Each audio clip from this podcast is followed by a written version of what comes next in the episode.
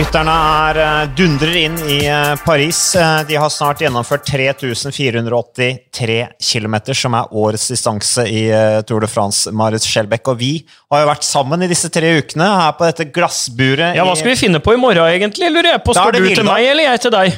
Da, det må vi bare se på. Men uh, vi får jo bare holde kontakten og sørge for at restitusjonen blir bra, tenker jeg. For det kommer jo snart nye ritt som du ikke skal være like involvert i. Men du kan jo masse sykkel, og det har vært veldig gøy å jobbe med deg. Men Marius, slags, hvilke inntrykk sitter vi igjen med etter disse tre intense ukene?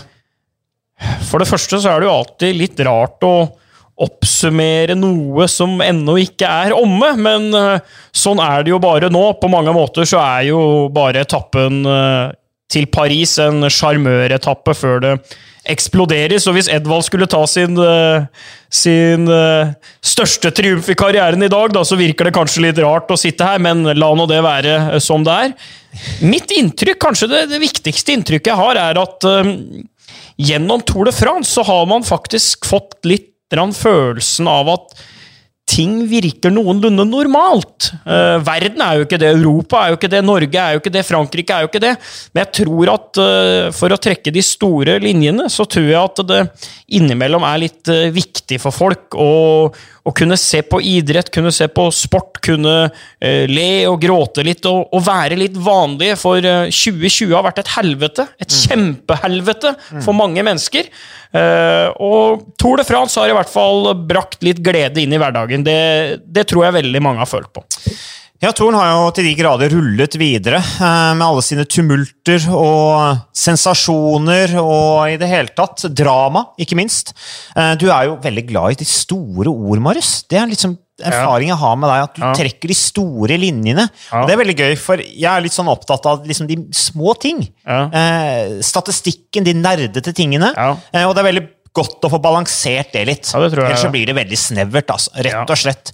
Eh, Men Tour de France er jo litt sånn symbolet på at verden går videre. Ja. Og det har på en måte vært målsettingen med Tour de France hele veien. det. Sånn som når de sendte Tour de France ikke sant, motsatt vei av klokka etter første verdenskrig, nettopp for å symbolisere at verden går videre. Og sånn sett, i covid-19-pandemien, så har jo det vært litt sånn symbol. Og covid-19 er jo noe vi må leve med sannsynligvis en god stund. Så da tenker jeg det er flott at sykkel går foran som et godt eksempel, og annen idrett også, for så vidt. Det er mulig, vi må bare leve med det. Men det rent sportslige, Marius, øh, hva er Vi hadde jo en liten gjennomgang av det tidligere på dagens sending på TV. Det største øyeblikket. Da trakk jo du fram Kwiakowski, Kwiatkowski, som da vant foran Carapaz. Disse Ineos-gutta var Ineos som vant den etappen, egentlig. Mer enn Kwiatkowski. Det var ditt valg da. Eh, er det noen andre store øyeblikk du tenker på? Hvorfor akkurat det? Altså, det med øyeblikk er jo øh, hva skal jeg si, veldig sånn individuelt. For det trenger jo ikke å være den uh, største triumfen, det største nederlaget. Det er ofte sånne småting som du stopper opp ved. Det er for meg et øyeblikk. Uh, litt som da uh, kjedet til Andy Schleck røyk og Contador stakk. ikke sant? Det er et øyeblikk. Det er jo langt fra det viktigste, største som, som har skjedd i Tor-historien, men det er et sånt øyeblikk som du aldri glemmer. Det var litt det Ineos-bildet for meg.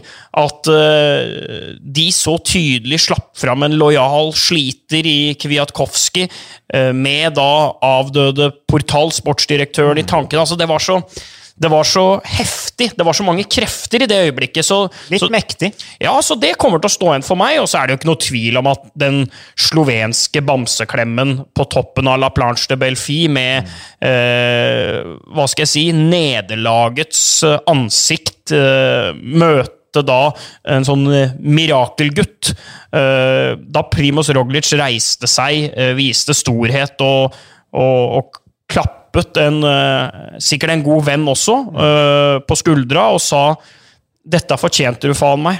Jammen meg for en tempoetappe. Eh, Du vinner Tour de France. Det er det egentlig jeg som burde ha gjort, men sånn er det. Du var bedre enn meg. That's it. Det, og, det og kommer jeg til å huske. Ja, for han hadde jo så til de grader, trodde vi, den seieren i lomma. Hva tenker vi hva, hva kunne han gjort annerledes? Hva, hva er lærdommen til Jumbo Visma, tenker jeg, etter dette her? Altså, For de må jo nå evaluere. De kjø, de, er, som jeg har sagt tidligere til deg også på TV-sendingen, de eide Tour de France i år. De har kjørt som regjerende mestere fra etappe én i NIS. De var de store favorittene, og kjørte som favoritter òg.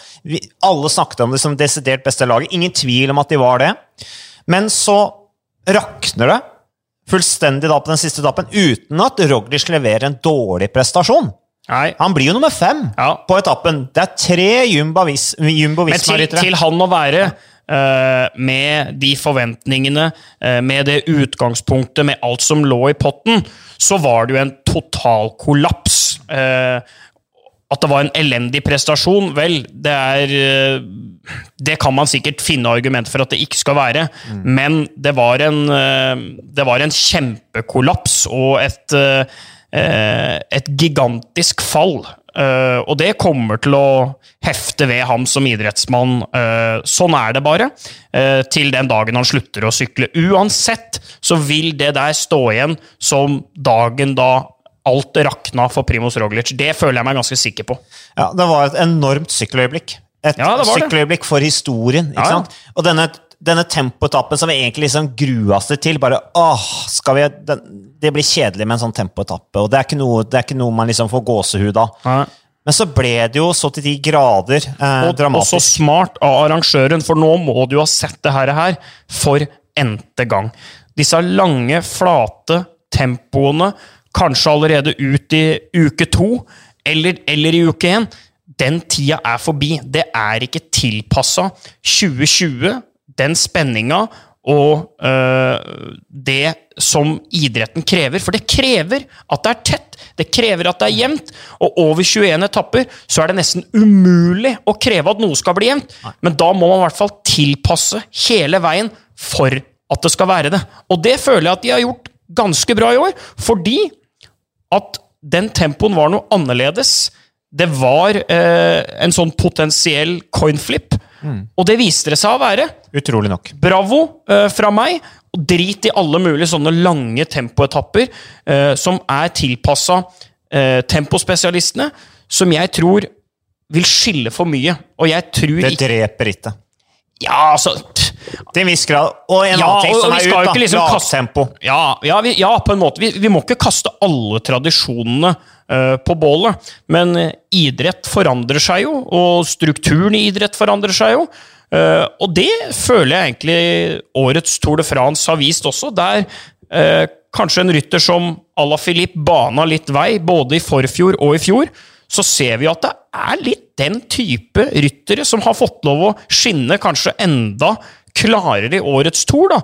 Unge, eh, kjøresterke, modige, respektløse ryttere som får sjansen, griper dem, og egentlig viser litt sånn 360 grader fuck you til alle mulige uskrevne regler om hvordan sykkelen ditt skal vinne. Se på Hirschi, for eksempel. Se på Pogacar. Nei, det, det syns jeg har vært strålende. Det, det må jeg si. Jeg syns det har vært en fantastisk tour. Det er jo litt artig, da. Jeg bare ser på en overskrift her fra 11. juli Velo News. Søren Krag Andersen, jeg må jo ikke Ja. glemme han. Og må ikke glemme Kemna heller. Nei. Eh, nå kan du ta overskriften din. Og Bernal som vant i fjor. For all. Bernal er den fjerde yngste Tour de France-vinneren i historien. Pogacar er den nest yngste Tour de France-vinneren i historien. og Det er jo da på to år på rad at de gutta klatrer såpass på den statistikken. Som jo da stammer helt tilbake til da 1904, hvor da en 19-åring som vant Tour de France. Men eh, jo, bare tilbake til det jeg var inne på her. Overskriften fra 11. juli i Velo News. Der står det altså Aro skal da lede UAE i Tour de France. Pogacar har frihet til å kjøre for egne sjanser. Uten press skal primært eh, opparbeide seg erfaring. Det blir jo en god erfaring, kan vi konkludere med. Ja, det vil jeg si. Uh, men uh, det blir jo tøft for uh, Pogacar Poga òg, da. Bernal i fjor. eh, vi må jo si at det jo er noe av eh, det jeg kommer til å sitte igjen med i år. Det er jo at eh, et sykkelimperium eh, er blitt styrtet. Mm. og kanskje var det presset på Bernal for tøft. Ja, den ryggen og de beina, og den ene beinet er lengre enn den andre, osv. Men det var det i fjor òg. Det er jo ikke sånn at høyrebeinet til Bernal har vokst 10 cm fra slutten av juli i fjor til september i år. Vi får jo håpe det er slutt, er slutta av vokse, i så fall. Ja, eh, men det er jo, det er jo tydelig at eh, ja, det var en skade i kriterium og greier, men eh, taktikken, strategien og gjennomføringa til Team Ineos, eh, den har vært eh, for dårlig. De har vært for dårlig forberedt.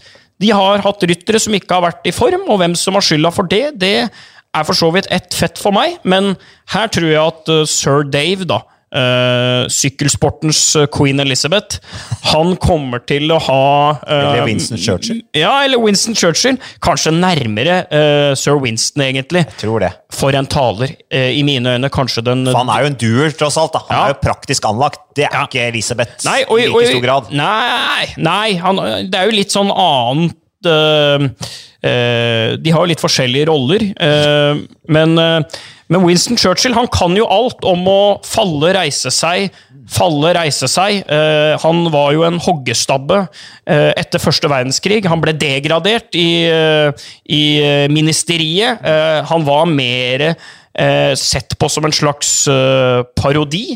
En eh, tørst, mislykket krigsmann. Ja. Men så blei han symbolet på fred i Europa, og en stor mann. Men enda sykere, han tapte faktisk valget etter andre verdenskrig. Glem ikke det, det er det mange som ikke veit, men han tapte faktisk valget etter andre gjorde han, han ble jo en gammel mann òg, ute av stand til egentlig kanskje forsvare posisjonen sin. Men uh, jeg føler at Dave Belsford har alt det i seg. Han er en stor taler, Brailsford òg, Mm. og, en, eh, og en fet fyr. Jeg liker sir Dave. Ja da, Han får ting gjort, så det skal bli spennende å se på, eh, på deg. Vi skal ikke holde på så veldig mye lenger, Marius, for vi må få med oss finalen her på Chance de C. og Sånn sett så er det litt vanskelig å konkludere med om Tour de France har vært en suksess for Alexander Kristoff og Edvard Boasson Hagen. For Kristoff så kan vi konkludere Ja, med en en kjempesuksess. kjempesuksess. Eh, kanskje hans øh, beste tour noensinne. Ikke i form av antall plasseringer eh, på topp ti, men i, i kraft av at han vinner den første etappen, kjører seg inn i gult, uh, har sykla på et lag som vinner Tour de France, pengene inn på konto, tjo og hei. Eh, noe særlig mer tror jeg ikke det er mulig å kreve av en norsk sykkelrytter. Enig i det. Så uh, han har hatt suksess allerede. Ellers så kan vi jo si at uh, det blir jo en hyggelig bonus også for Vegas Stakeleinen. Så sender vi en liten tanke til Sven Erik Bystrøm, som uh, jo ikke ble tatt ut på Tour de France-laget. Nei, men som Eh, var, men sånn er jævlig, og som var jævlig sporty og var med på en sending her. eh, på Skype med oss. Eh, Fantastisk fyr. ja, Skikkelige, skikkelige mann.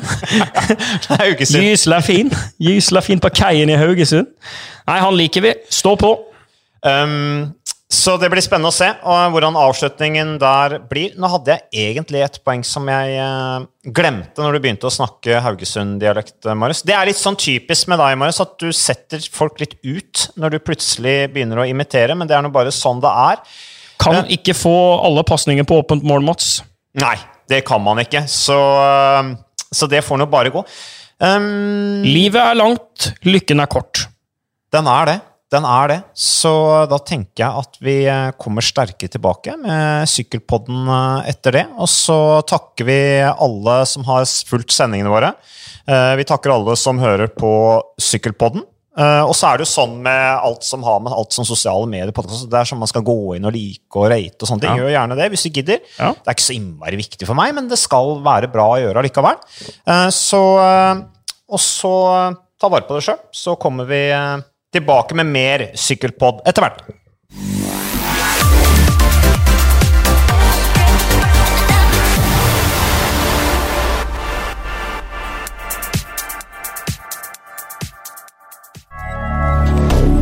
Moderne.